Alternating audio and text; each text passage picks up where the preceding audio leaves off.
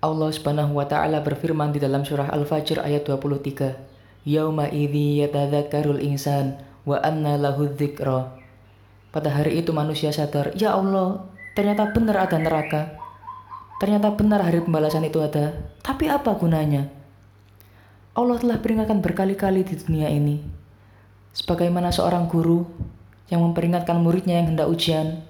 Nah, belajar nak, Orang tuanya pun juga ikut mengingatkan, nah belajarnya, ini kamu mau ujian loh. Tapi dia tetap main-main.